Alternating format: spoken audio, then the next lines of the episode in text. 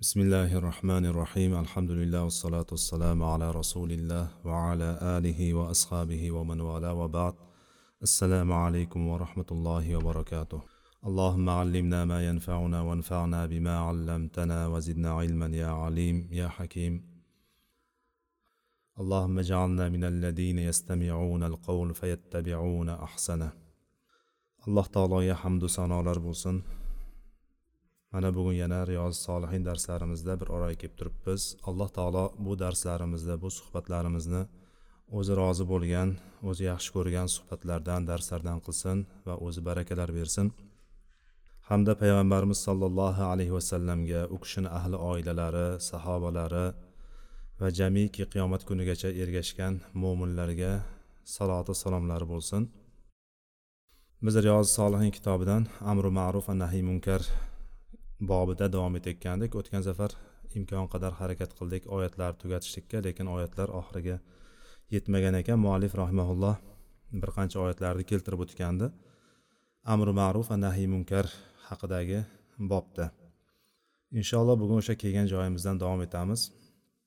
Muallif rahimaulloh mana shu oyatni keltirgan ekan. Kahf surasini yigirma to'qqizinchi oyati. Va qulil haqqu min robbikum faman shaa falyu'min ومن شاء فليكفر oyati bu oyatda alloh taolo aytadiki haq robbingiz tomonidandir ya'ni haq robbingizdan kelgan haqdir shunday ekan kim xohlasa iymon keltirsin kim xohlasa kofir bo'lsin dedi mana shu oyat ya'ni bu yerdan ko'ramizki haq alloh taolo tomonidan kelgan haqdir ya'ni bu haqni ichida payg'ambarimiz sollallohu alayhi vasallam olib kelgan haqiqat ya'ni din bu hammasi olloh tomonidan vahiy qilingan narsadir. Bu mana shu haqiqatni haqni eng kattasi va hammasini bir butun qilib ushlab turgan narsa bu qur'on hisoblanadi. Qur'on demak bu haqiqatni hammasi hisoblanadi.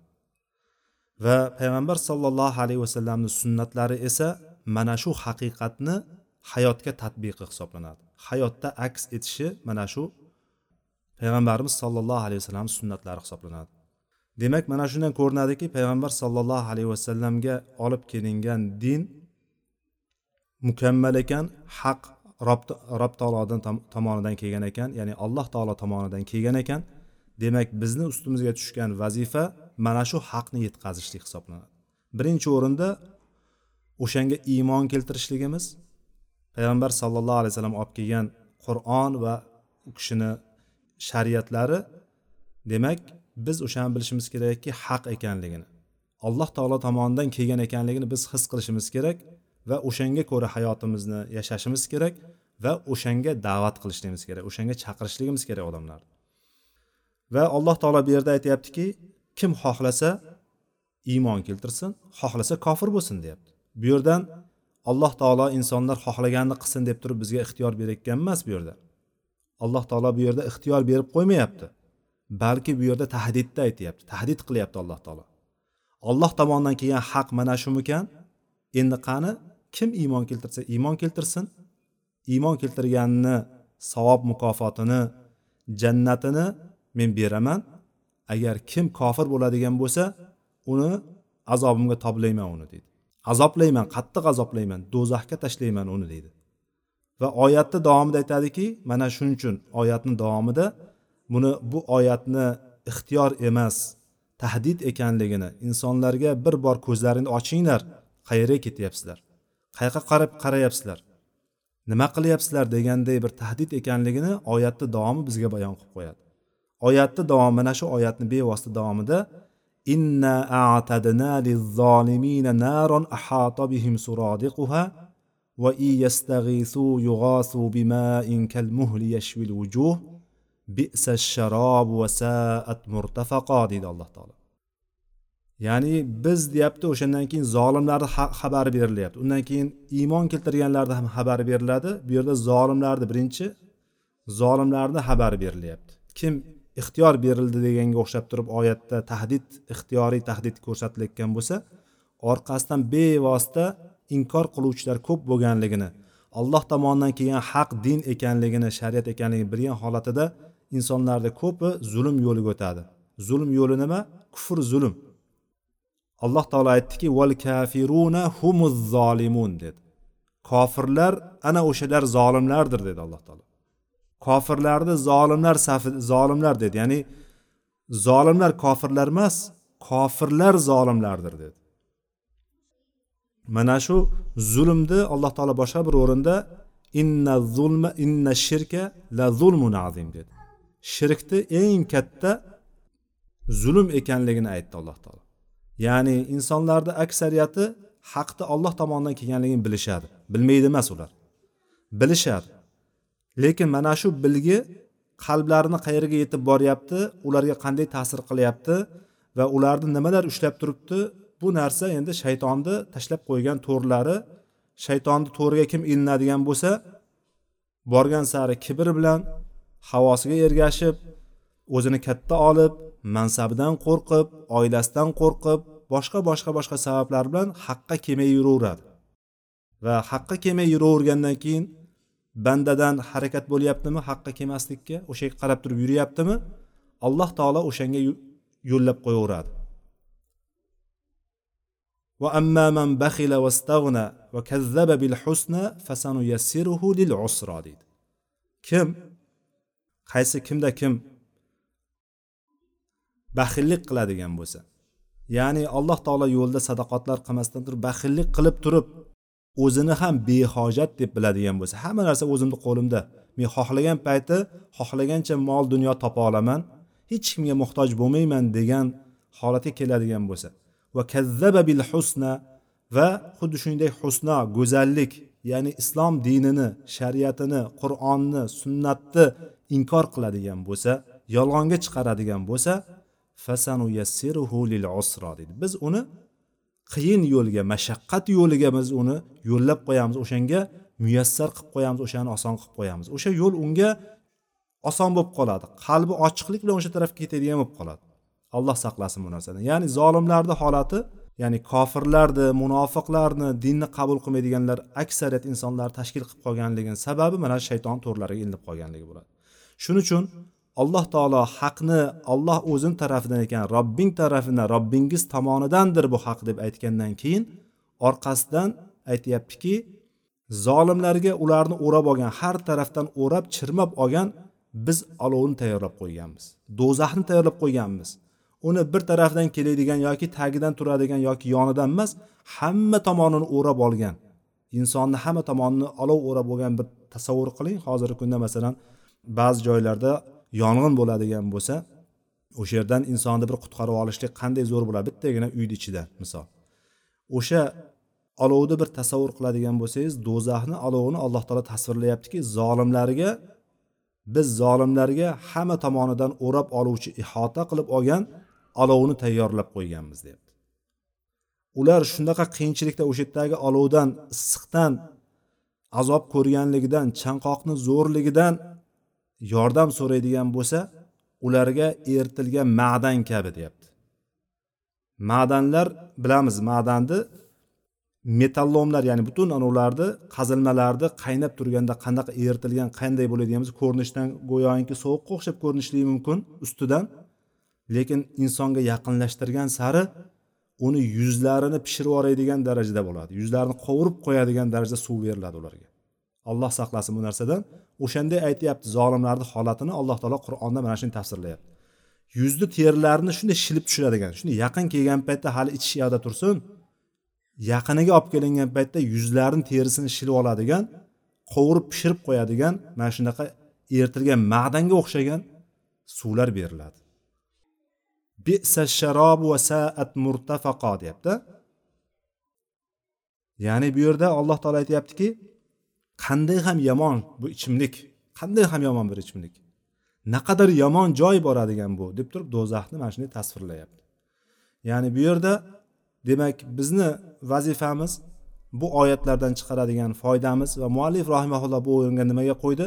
Haqni robbimiz tomonidan ekanligini va payg'ambar sollallohu alayhi vasallam bu narsani bizga olib kelganligini bilgan holatda bizni vazifamiz birinchi o'rinda o'sha haqqa ya'ni shariatga qur'onga iymon keltirishlik unga ergashishlik va mana shu haqni odamlarga butun dunyoga o'sha narsani yoyishlik va mana shu haqni hukmron qilishlikka harakat qilishlik kerak bo'ladi. Mana shu narsa amri ma'ruf hisoblanadi. Undan keyingi oyatda aytdiki fasda bima tu'mar va arid anil mushrikin dedi alloh taolo. Fasda bima tu'mar va arid anil mushrikin dedi. Sizga amr amr qilinganidek ya'ni sizga amr qilingan narsaga yoki bu yerda fasda bima tu'mar sizga amr qilingan narsani amalga oshiring dedi. Alloh taolo payg'ambar sallallohu alayhi vasallamga xitob qilib aytyapti.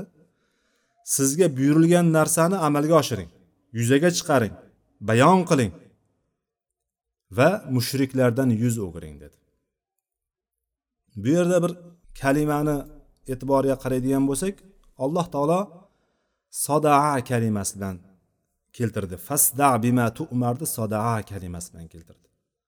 Sodaa kalimasi o'zini ma'nosi yorishlik bo'lib tashlashlik. Bir narsani bir urib ikkiga bo'lib qo'lingizda bolta bo'ladigan bo'lsa urib ikkiga bo'lib yuborishlikni mana shuni sodaa kalimasi bilan bayon qiladi. Bu yerda faqat mana shu sodaa kalimasini ba bilan qo'shib ma'no berilyapti. Fasda bima degandagi ma bilan beryaptiki o'sha narsani asl ma'nosi bilan tushunadigan bo'ladigan bo'lsak sizga buyurilgan narsani odamlarga tinimsiz yetkazasiz. Hattoki ularni boshi eshitib miyalari ikkiga portlab ketadigan ikkiga yorilib ketadigan darajada qattiq yetkazasiz degan ma'no kelib chiqadi bir tarafdan. Agar biroz o'shani asl ma'nosiga qaytaradigan bo'lsak odamlarga da'vat qilishlikda tinimsiz da'vat qilasiz degani bu. Hatto odamlarni shu boshi gapiraverganingizdan miyasi yorilib ketadigan darajada mubolag'a kalima qo'yilyapti bu yerga.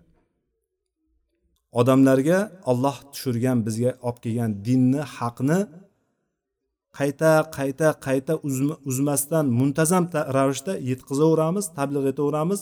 Mana shu narsa bizni vazifamiz bo'ladi. O'zi oyatlarga qaraydigan bo'lsak payg'ambar sallallohu alayhi vasallamga buyurilgan narsalar ikkiga bo'linadi. Payg'ambarimizga buyurilgan yoki payg'ambarimizga qaytarilgan narsalar ikkiga bo'linadi. Bittasi payg'ambarimizga xos bo'lgan. Xosatan payg'ambarimiz o'ziga tegishligina bo'lgan. Ya'ni ummatga tegishli bo'lmagan hukmlar bo'ladi. Ikkinchisi bo'lsa payg'ambarimizni o'ziga ham va ummatga ham tegishli hukmlar bo'ladi. Bu narsa albatta buni qayerdan bilamiz? Bu narsalarni bizga olimlarimiz tushuntirib beradi. Bu narsa payg'ambar sollallohu alayhi vasallamgagina xos bu narsa. Payg'ambarimizni xususiyatlaridan boshqalardan ajralib turadigan belgilardan bu narsa alloh taolo u kishiga shunday dedi deb turib aytilinadi. Mana shu narsa demak e, bu yerdagi ikkiga bo'linadi deganimizda masalan ba'zilarda alam nashroh laka sadrak deydi alloh taolo. Alam nashroh laka sadrak. Biz sizni ko'ksingizni ochib qo'ymadikmi?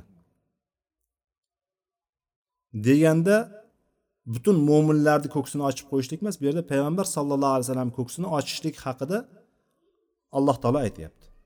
Yoki duho surasida. Duho surasidagi duho surasida aytilgan narsalar payg'ambar sallallohu alayhi vasallamni o'ziga xos bo'lgan narsalar. Yoki boshqa boshqa ayollarga uylanishlik masalasida to'rttadan ortiq uylanishlikka hukmlar. Va ba'zi bir ayollar kelib turib o'zini payg'ambarimiz sallallohu alayhi vasallamga taklif qiladigan bo'lsa payg'ambarimiz sallallohu alayhi vasallam o'shanda rag'bati bo'ladigan bo'lsa o'shani nikohiga olishlik mumkin bo'lganligiga o'xshagan hukmlar yana. Mana bu narsalar payg'ambarimiz sallallohu alayhi vasallamga xos bo'lgan hukmlar. Lekin qolgan o'rinlarda xuddi mana shu hozirgi oyatdagi o'xshab turib fasda bima tu'mar deganday sizga buyurilgan narsani amalga oshiring yuzaga chiqaring o'sha narsani bayon qiling odamlarga degandan birinchi o'rinda payg'ambar sollallohu alayhi vasallamga tegishli hukm bo'ladigan bo'lsa bu va qolgani butun ummatga tegishli bo'ladiki chunki payg'ambarimiz sollallohu alayhi vasallam bizga eng ergashishlikka haqli bo'lgan zot hisoblanadi. Va ergashishlikni alloh taolo o'ziga payg'ambarimiz sallallohu alayhi vasallamga ergashishlikni u kishiga itoat qilishlikni alloh taolo o'ziga itoat qilishlikdek qilib qo'ygan. Bu narsa haqida oldin gaplashgandik va go'zal namuna bor ya'ni o'rnagimiz bizni oladigan namunamiz o'rnagimiz payg'ambar sallallohu alayhi vasallam bo'lgani uchun payg'ambarimizga bo'lgan buyruqlar butun ummatga tegishli bo'lgan buyruqlar hisoblanadi. Yoki boshqa oyatlarda ya yuhan nabiyyu lima tuharrimu ma ahallallohu lak? oyat ham ummatga ham tegishli. Ya'ni inson bir halol qilingan narsani o'zicha harom qilib olishga haqqi yo'q. Alloh halol qilib qo'yibdimi? Demak o'sha narsani yemayman yoki ichmayman yoki buni kiymayman deb turib qasam ichishlikka haqqi yo'q. Qilmasdan yurishligi boshqa narsa lekin bu narsa menga harom. Bu narsani men qilmayman deyishlikka haqqi yo'q. Shunga o'xshagan bir qancha oyatlar bor va mana bu o'rindagi oyat bu oyat butun ummatga tegishli hisoblanadi. Demak bizni vazifamiz bizga amr qilingan buyurilgan narsa haqni yetkazishlik munkardan qaytarishlik munkardan qaytarishlik ham amr ya'ni qaytarishlikka bo'lgan buyruq. Bir munkar amalni bir yomon amalni ko'radigan bo'lsak nojo'ya ishlarni qilinayotganini ko'radigan bo'lsak o'shani qaytarishlikka bo'lgan buyruqni bu ham amr tarafi bor. Amr ma'ruf nahiy munkar qilishlik bu bizni ummatimizga bizga tushgan vazifa va orqasidan va arid anil mushrikin mushriklardan yuz o'giring dedi payg'ambarimiz sallallohu alayhi vasallam bu yerdan mushriklardan yuz o'giring dedi. Bundan ikkita narsa tushuniladi. Birinchisi ularga e'tibor bermang. Ularni holatlari islomni qabul qilmasdan yurganliklari islomni masxara qilayotganligi dinni oyoq osti qilayotganligi ularga e'tibor bermang. Deydigan bir tarafi bo'ladigan bo'lsa ikkinchi tarafdan bo'ladigan bo'lsa mushriklarni ozorlariga siz e'tibor bermang ulardan yuz o'giring deyapti. Mushriklarni ozorlari kofirlarni munofiqlarni ozorlari ahli kitoblardan bo'ladigan ozorlar mo'minlarga albatta albatta albatta yetadi. Hech qachon bu narsasiz bo'lmaydi. Har doim yetib turadi.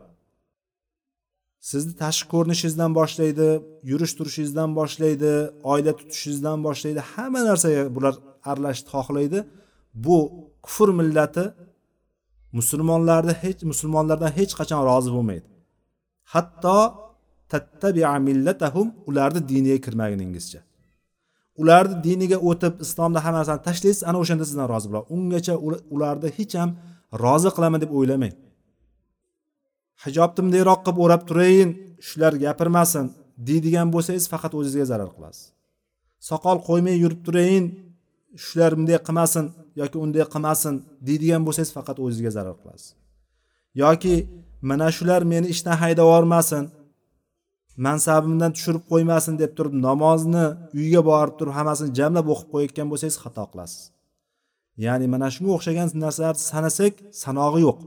Xosatan bo'lib ham hamma tomondan islomni siqib turgan musulmonlarni siqib turgan davlatlarni o'sha diyorlarni haqida gapiradigan bo'lsak bu o'rinlar juda misollarni sanasak misollarni sanog'iga yetolmaymiz.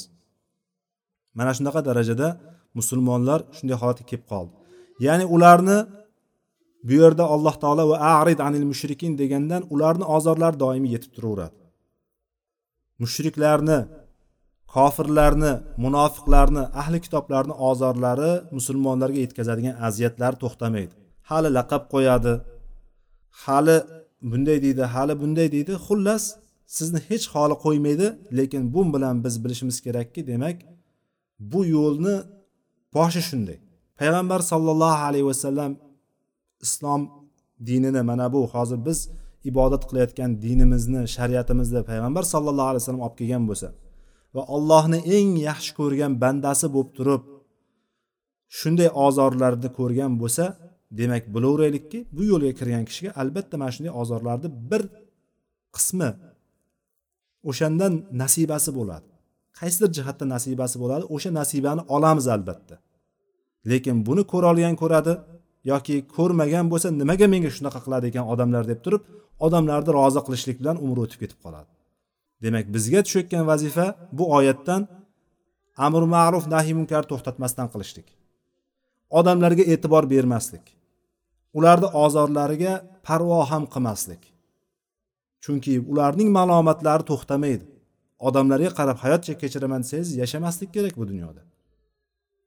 O'tirsang opoq tursang so'poq mana shunday yuraverasiz. Shuning uchun alloh taolo aytyaptiki oyati davomida biz sizga deyapti masxara qiluvchi istehzo qiluvchilardan biz sizga kifoya qilib qo'yamiz deyapti alloh taolo. Alloh taoloni o'zi kifoya qilib qo'yadi. Siz ollohni yo'lida yuring alloh taolo sizga kifoya qilib qo'yaveradi o'sha sizni masxara qilayotgan sizga ozor berayotganlarga alloh taoloni o'zi kifoya qilib qo'yaveradi. Ular mushriklar ollohni yoniga yana bitta iloh qo'yib turib sherik qiladi ular. Bu narsani oqibati nima bo'lishini ertaga albatta tezda bilib oladilar ular. Va alloh taolo aytyaptiki qur'onda yana shu shu oyat davomida aytyaptiki bundan keyingi oyatlarda payg'ambarimiz sollallohu alayhi vasallamga biz ularni aytayotgan gaplaridan sizni qalbingiz dilingiz siqilayotganligini yaxshi bilamiz deyapti. Ularni iymoni kelmayotganligidan sizni ichingiz siqiladi. Xafa bo'lasiz. Bo'lib ham yaqinlaringiz bo'ladigan bo'lsa. Otangiz onangiz akangiz ukangiz qarindoshingiz ya'ni o'shalarni sizga berayotgan ozorlari bo'ladigan bo'lsa va da'vat qilsangiz islomni qabul qilmayotgan bo'lsa o'shandan sizni qalbingiz doimiy og'riydi chunki insonga alloh taolo fitrat qilib berib qo'ydiki farzandini yoki yaqinlarini o'shalarga yaq muhabbat bo'lgan bizga bir shu narsani ne'matni berib qo'ydi alloh taolo. Ularni qiyinchiligini ko'rib turib ularni musulmon bo'lmasdan yurganligini namoz o'qimasdan yurganligini yoki hijob o'ramasdan yurganligini ko'radigan bo'lsak biz o'shan bilan ichimiz dilimiz og'riydi mana shu o'rinda biz allohga murojaat qiladigan o'rnimiz bo'ladiki alloh taolo aytadiki shu oyatda fasabbih bihamdi robbika va kum minas sajidin deydi mana shu oyatni orqasidan aytyaptiki ularni aytayotganidan ularni aytayotgan gaplaridan sizni qalbingiz dilingiz siqilayotganligini biz juda yaxshi bilamiz degandan insonni qalbi siqilgan paytda noumidlanadigan o'ringa kelib qolganda ularni iymoni kelmasdan iymon kelmagani bir navi bu yana ularga iymon keltirganlarga qarshi turib hijoblarni yechtirishga harakat qilayotgan namoz o'qitmasdan yurganlar yoki bir narsa namoz o'qiydigan bo'lsang islomda yuradigan bo'lsang men seni olib borib turib militsiyaga topshiraman deganlarni holatidan qalbi siqilgan paytda nima deyapti? Alloh taolo o'rgatyaptiki fasabbih bihamdi robbik demak allohni tasbeh aytishlikka allohni ulug'lashga allohga hamd aytishlikka biz muhtoj bo'lib qolamiz ekan. Allohga yanada yaqin bo'lishga muhtoj bo'lamiz ekanki va kum sajidin deyapti va sajda qiluvchilar bilan birga bo'lgin deyapti. Sajda qiluvchilardan bo'lgin alloh taoloni sajda qilib so'raydigan alloh taoloni hamma aybi nuqsonlardan poklaydigan alloh taolo pok zot ekanligini bu narsa bo'layotgan bu ishlar hammasi behikmat bo'lmayotganligiga alloh taoloni hamdi bilan biz tasbeh aytishga buyurilyapmiz o'sha o'rinda. Demak hammamizni boshimizga tushadigan bir mana shunday kunlar bo'ladi. Bizni yaxshi ko'rgan odamlarimizni biz har qancha harakat qilsak ham o'zi ko'p harakat qila olmaymiz. Yaqinlarimiz bo'lib ham ota onalarimiz bo'ladigan bo'lsa yoki akalarimiz opalarimiz bo'ladigan bo'lsa biz haqni ayta olmaydigan tabiatda ulg'ayganmiz. Nima uchun? Bizni urfimiz shunaqa. Hamma narsaga hammaga har qanday odamga ayta oladigan narsamizni o'zimizni ota onamizga ayta olmaymiz. O'zimizni akalarimiz opalarimizga ayta olmaymiz. Haqni har qancha bilishga harakat qilib boshqa joylarda da'vat maydonlarida yurganlar ham o'zini otasiga o'zini onasiga o'zini akasiga yoki opasiga kelgan paytda o'sha yerda to'xtab qoladi. To'sib qoladi. O'sha yerda bir narsa to'sib turadi. O'sha narsani yetkazishni boshlagan taqdirda ham o'shani ochiq bayon qilishlikdan bir narsalar to'sib turadi. Va yetkazgan taqdirimizda ham agar qabul qilmaydigan bo'lsa ular ana o'shanda dilimiz siqilib qoladi. Ko'nglimizga ichimizga chiroq yoqsa yorishmaydigan bo'lib qoladi. Lekin mana shu o'rinda alloh taolo aytyaptiki fasabbih bihamdi robbik va kum minas sajidin. Robbingga hamd bilan tasbeh ayt allohni pokla tasbeh ayt va sajda qiluvchilardan bo'lgin deb turib alloh taolo bizga tavsiya beryapti. Demak mana shu yo'lda biz olishligimiz kerak ekan. Undan keyingi oyatda muallif rahimaulloh keltirgan oyat falamma nasu ma zukkiru bihi أنجينا الذين ينهون عن السوء وأخذنا الذين ظلموا بعذاب بئيس بما كانوا يفسقون والآيات في الباب كثيرة معلومة dedi muallif mana shu oyatni arof surasidagi bir yuz oltmish beshinchi oyatni keltirgandan keyin bu haqdagi bu bobdagi ya'ni amri ma'ruf nahiy munkar haqida kelgan oyatlar juda ko'p va ma'lumdir dedi kasiratun ma'lumata hammaga ma'lum o'zi lekin bu yerda shu bobni bizga bildirishlik uchun keltirgan o'rinda muallif rahimaulloh o'zi eng lozim deb bilgan oyatlarni mana shu o'rinda keltirib o'tdi. Mana shu oxirgi oyat. Bu oyatda o'zlariga eslatma bo'lgan narsalarni unutganlarida falamma nasuma zukkiru bihi ularga eslatma kelgan paytda o'sha narsalarni unutgan paytlarida anjaynalladina yanhauna anissu yomonliklardan nahiy etganlar yomonliklardan qaytarganlarga najot berdik deyapti ya'ni amri ma'ruf nahiy munkar qilganlarni endi bu yerda munkarni ko'rishdida o'shandan qaytarganlarga biz najot berdik deyapti va ahaznalladina zolamu biazabin baisin bima kanu yafsiqun va zulm qilganlarni qilgan fosiqliklari sababli shiddatli azob bilan tutdik deyapti qilgan fosiqliklari allohga isyonlariga yarasha ularni biz shiddatli azob bilan ushladik deb turib alloh taolo bu yerda aytyapti. Bu voqeani o'tgan darsimizda ham qisman eslatib o'tgan bo'lgandik. Bani isroildagi bu bo'lgan voqeani o'shani orqasidan o'shalarni ya'ni bani isroilda shanba kuni baliq ovlamaslikka bo'lgan allohni buyrug'ini buzganlarni bayon qilayotgan o'rinda alloh taolo o'shalarni ularga bizni eslatmalarimizni ularga kelgan o'zlariga kelgan eslatmalarni unutganlaridan keyin va o'sha o'zlariniga buyurilgan narsalarni qilmasdan tajovuz qilganligidan hadlarni oshganlaridan keyin biz yomonlikdan qaytarganlarga najot berdik dedi. Va mana shu zulm qilganlarni alloh taoloni aytganini qilmaganlarni biz qattiq azob bilan shiddatli azob bilan ushladik dedi. Mana shu ikkiga ayrilyapti. Ya'ni bu yerda natija chiqyapti.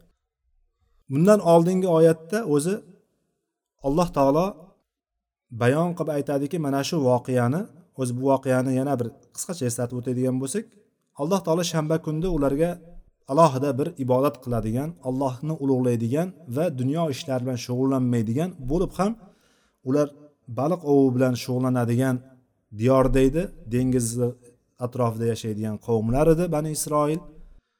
Tirikchiligi asosan shu baliq ovlashlik bilan baliqchilik bilan bo'lardi. Alloh taolo o'sha kunda shanba kunida baliq ovlashlikni ularga taqiqlab qo'ydi. Ular lekin va sinov ham berdi orqasidan. Shanba kuni baliqlar suvni yuzida suzib yuradigan suvni sathiga chiqib qoladigan hatto inson qo'lini tiqsa ushlab oladigan darajada shunaqa keng qilib qo'ydi. Baliqlarni mo'l ko'l qilib qo'ydi. Ertangi kuniga bo'ladigan bo'lsa bir hafta davomida ya'ni shanba kundan keyin bir hafta davomida baliqlarni ozaytirib tashladi baliqlarni dengiz qirg'og'iga yaqinlashmaydigan qilib turib qo'ydi. Bundan vaqt uzayib ketib qoldi. Mana shunaqa vaqt bir kun ikki kun bo'lmadi bu vaqt. Ya'ni insonlar bir kunda ichida keyingi haftaga shunday qilamiz deb birdan qarorga kelishmadi bular. Oradan vaqtlar o'tdi. Bir qancha vaqt o'tgandan keyin baliqchilik tirikchilik qiyinlashib qolgandan keyin ular mana shu ishni qilishlikka majbur bo'lishdi. Hiyla ishlatishga kirishishdi. O'sha hiyla ishlatib shunday qilamiz deb turib ba'zilar e, aytishadiki to'r tashlashdi o'shanga. To'r tashlab qo'yishdi. Baliqlar kirgandan keyin chiqolmaydigan qilib to'r qilib qo'yishdi. O'sha kun tutib olmadida to'r tortib olmadida ertasi kun to'rlar tortib olishdi. O'sha kirgan baliq shanba kuni kirgan baliqni bozor kuni ular ovlab olishdi deyishsa ba'zilar shu hovuz kovlab turib yonidan hovuzlar kovlab turib o'shaqa balig'i bilan qo'shib haydab og'zini yopib qo'yibdi shunaqa qilib tutdi deb turib aytadi. Qanday bo'lgan taqdirda ham o'sha voqea qanday bo'lgan taqdirda ham ular shanba kungi baliqlarni bozor kuni ovlashdi. Shanba kuni kelgan baliqlarni ushlab olishdi xoh hovuz bilan xoh to'r bilan. Mana shunda odamlar uchga ayrildi. O'sha o'sha yerdagi xalq uchga ayrildi. Bir qismi bu qilinayotgan ishni noto'g'ri ekanligini bu ish alloh taologa isyon ekanligini itoatsiz ekanligini bayon qiluvchi qavm bo'ldi ichida. Ular bundan qattiq qaytarishdi. O'rtada ikkinchi toifa borki bular indamay turishdi va aytishdiki sizlar nima ish qilyapsizlar?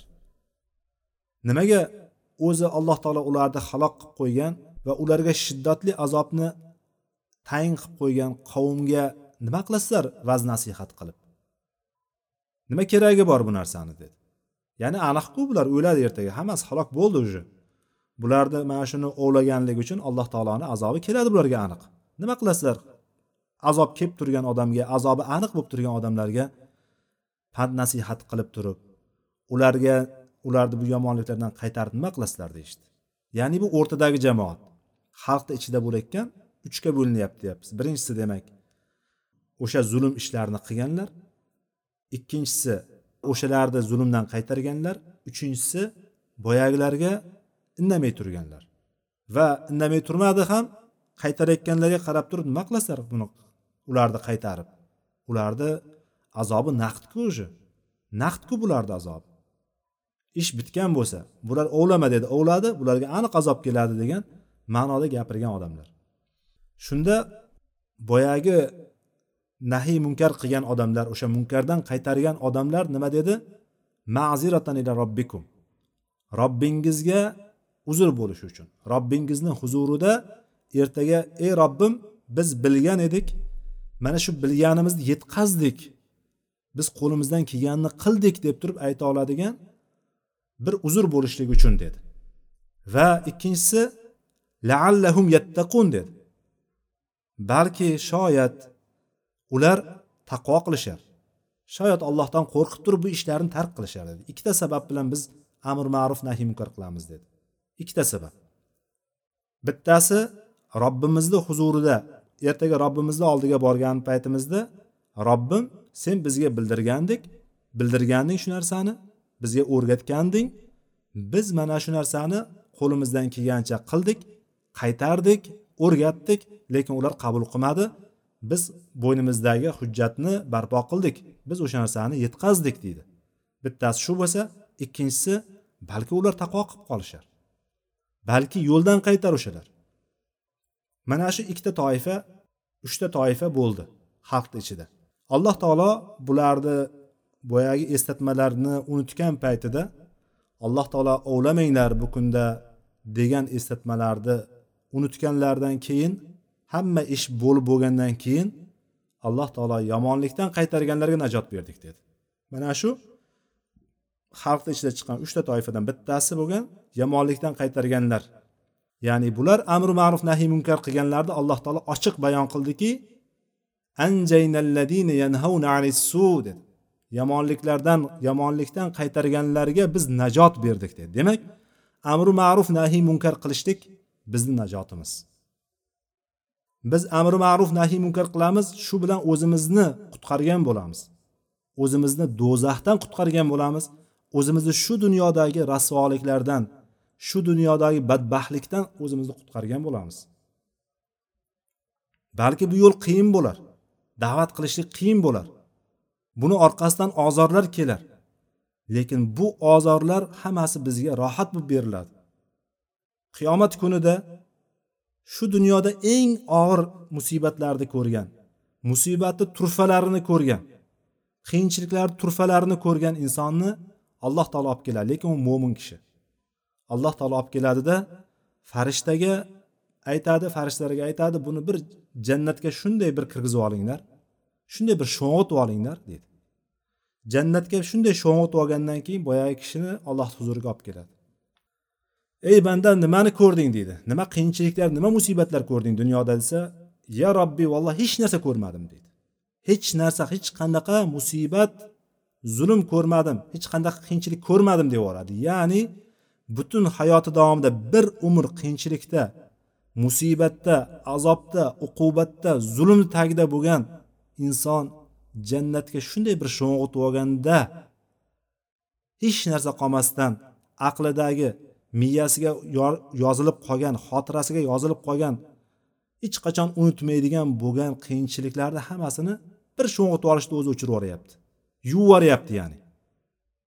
Insonga bir kiyimni ko'radigan bo'lsa kiyimga bir kir oq kiyimga kir tegadigan bo'lsa uni bir yaxshi parashok bilan yoki sovun bilan yoki issiq suv bilan yuvgan paytimizda oppoq oppoq bo'lib qolsa qora qop qora bo'layotgan kiyim oppoq bo'lib qoladigan bo'lsa biz shu dunyoda olgan musibatlarimiz azoblarimiz uqubatlarimiz turfa qiyinchiliklarimiz jannatga bir sho'ng'itib olishni o'zi mana shunday qilib yuvib yuborar ekan.